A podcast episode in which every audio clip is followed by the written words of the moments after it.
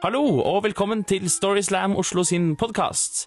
Mitt navn er Audun Lunga, og jeg står her i et studio sammen med en tilfeldig dame som bare fulgte etter meg rett inn her, nemlig Karoline Marie Enoksen. Ja. Heldig at det var deg, da. ja, det var sykt flaks. Ja. Ja.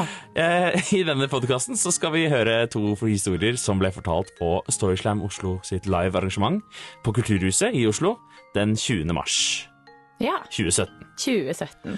Eh, og begge de, historiene, begge de historiene tar oss jo på en måte tilbake til barndommen. Det gjør de, absolutt. Og første forteller det er Aina Marie Svendsen. Hun forteller om da hun fikk sitt kunstneriske kall.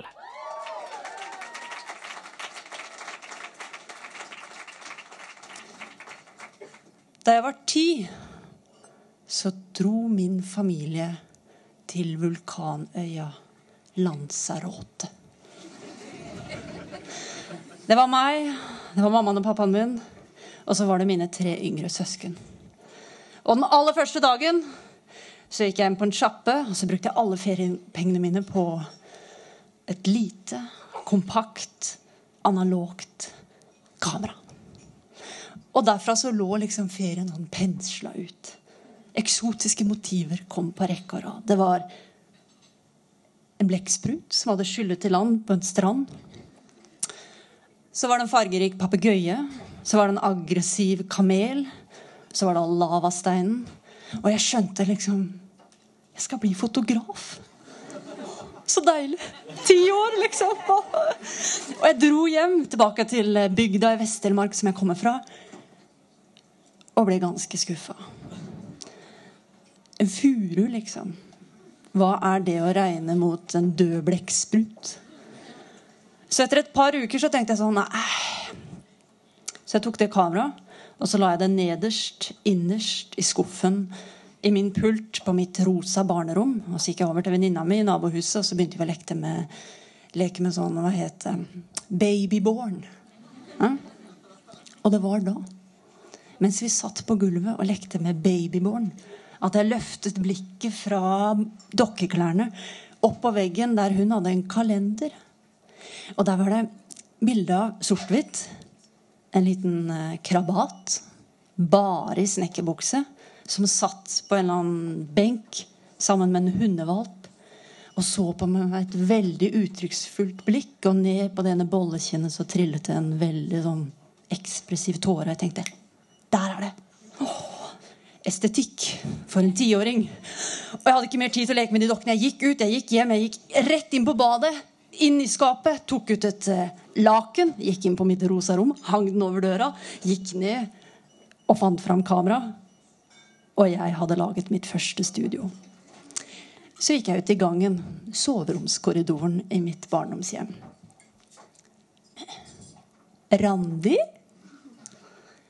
det er min lillesøster. Hun er åtte år yngre enn meg. Hun var snart to. Hun kom sånn. Hm? Vil du være med å leke? Mm. På mitt rom? Mm. Så kom hun inn, og med et lite puff så lukket jeg døren igjen. Det var sånn Den hadde jo et laken over seg, så det var veldig mykt. Så sa hun sånn Jeg skal bare ta noen bilder. Du kan begynne med å ta av deg T-skjorta.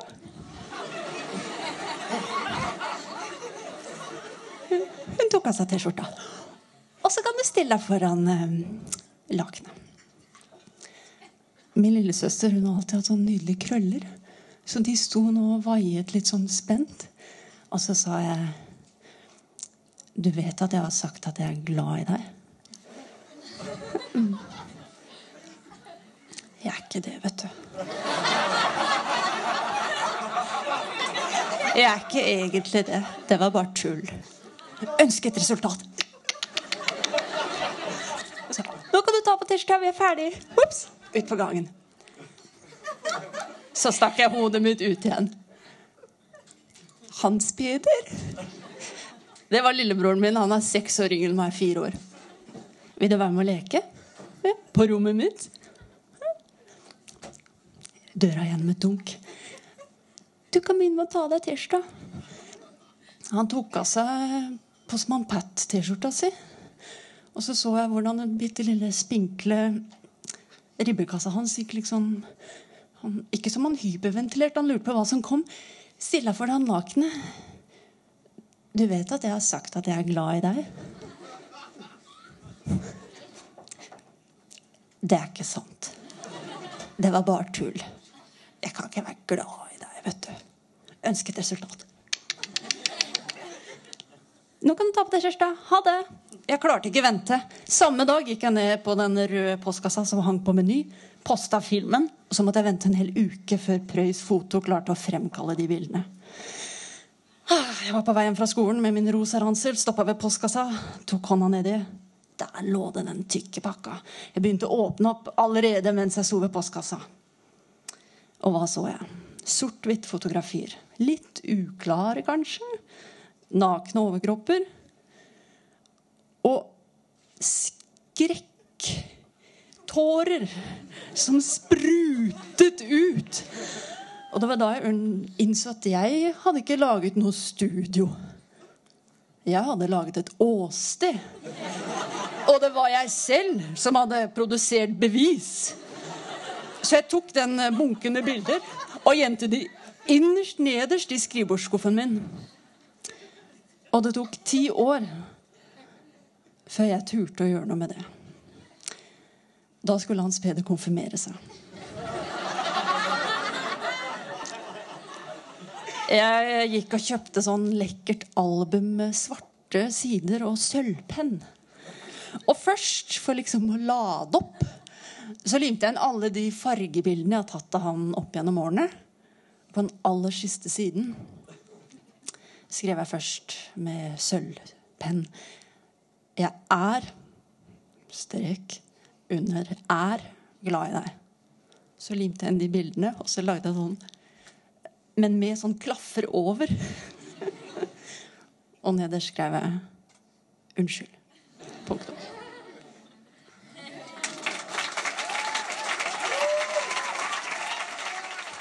Takk til Aina Marie. Og fra et litt slemt barn, så skal vi over til et litt vanskelig barn. Neste forteller er Regine Døsen Christoffersen.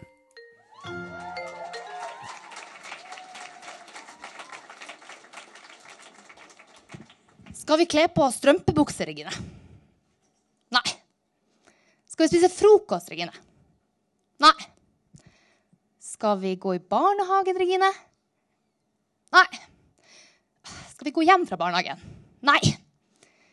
Nei var det svaret jeg ga til alle spørsmål som ble gitt i min retning. Jeg vokste opp helt nord i Nord-Norge, innerst inne i Ofotfjorden, i en by som heter Narvik. Narvik! Yes. Der bodde jeg sammen med mamma Ingrid og pappa Ole i et hus med sju etasjer. I Nord-Norge så får du praktisk talt et hus hvis du sier deg villig til å bo der. Mamma! Mamma? Mamma! Jeg skal ha kjeks! Nei. Men Ingrid, da!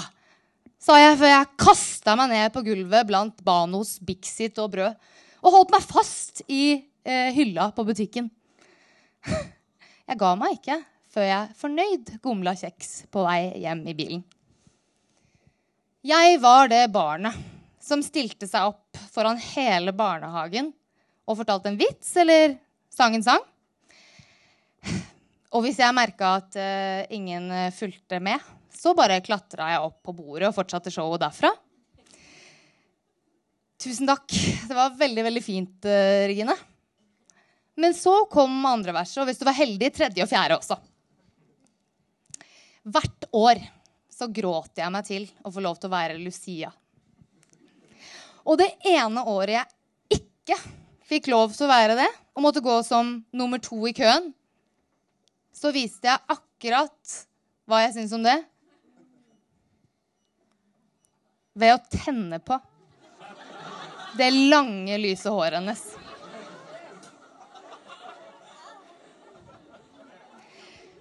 Ting ble ikke stort bedre da et lite nurk kom inn i familien vår. Miriam. Jeg fikk en kul boomblaster og bare beskjed om at Den her kan du høre litt på. For nå er ikke du lenger fokus i den familien her.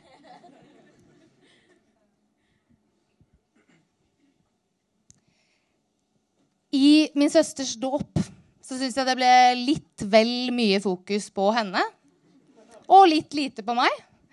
Så jeg bare strena rundt i kirka helt til jeg fant et eh, ledig fang å sitte på. Og utbrøt Pappa! Der er jo du! Han kunne jo ikke noe annet enn å bare godta den rollen jeg hadde gitt han. Jeg derimot hadde store problemer med å godta den rollen eh, som jeg nå var satt i, som storesøster. Sommeren 2002 var jo på familieferie til eh, Naxos sammen med vår eh, tante Ragnhild og mine fettere Ørjan og Morten. På båttur rundt øya så oppfører jeg meg som vanlig som et levende krapyl. Og da kommer Ørjan med en løsning til mamma. Ingrid, jeg tror bare du må slå henne litt. Ja, jeg hadde tenkt at det ville være vanskelig å bli mor, sa mamma når jeg spurte henne om det. Men ikke at det skulle bli et eh, levende mareritt i seks år. Er det noe galt med henne? Testene som ble tatt, viste ikke noe utslag. Og mamma tenkte kanskje det er noe galt med meg. Barnelegen sa du må bare sette strenge grenser og bare, bare la henne gråte. Hun sovner til slutt av bare rein utmattelse. Disse møtene ble ukentlige. Og eh, det kjentes ut som bare et osean av tid for meg. Åh, jeg husker at jeg kjeda meg. Jeg, bare, jeg kjeda meg sånn som man bare kunne gjøre før Internett. Sånn kjedelig at du bare har lyst til å sånn forsvinne inn i deg selv. Og så spurte barnelegen er det noen ting du vil si, Regine? Det var som jeg bare våkna opp fra inni meg selv, og plutselig så bare datt det ut av meg. Hun mamma slår meg!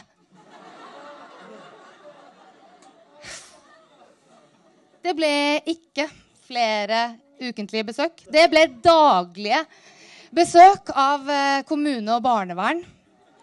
Og på tross av mammas desperate forsøk på å få meg til å ta tilbake det jeg hadde sagt, så nekta jeg.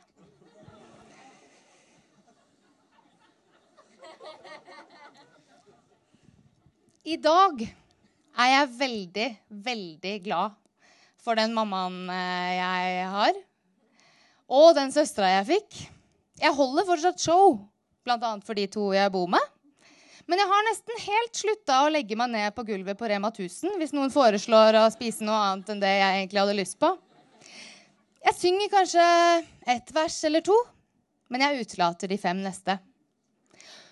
Egentlig så har jeg jo bare lyst på applaus i plenum hele tiden. Så tusen takk for at jeg får lov til å være her i dag og få utløp for noe av det. Takk for meg.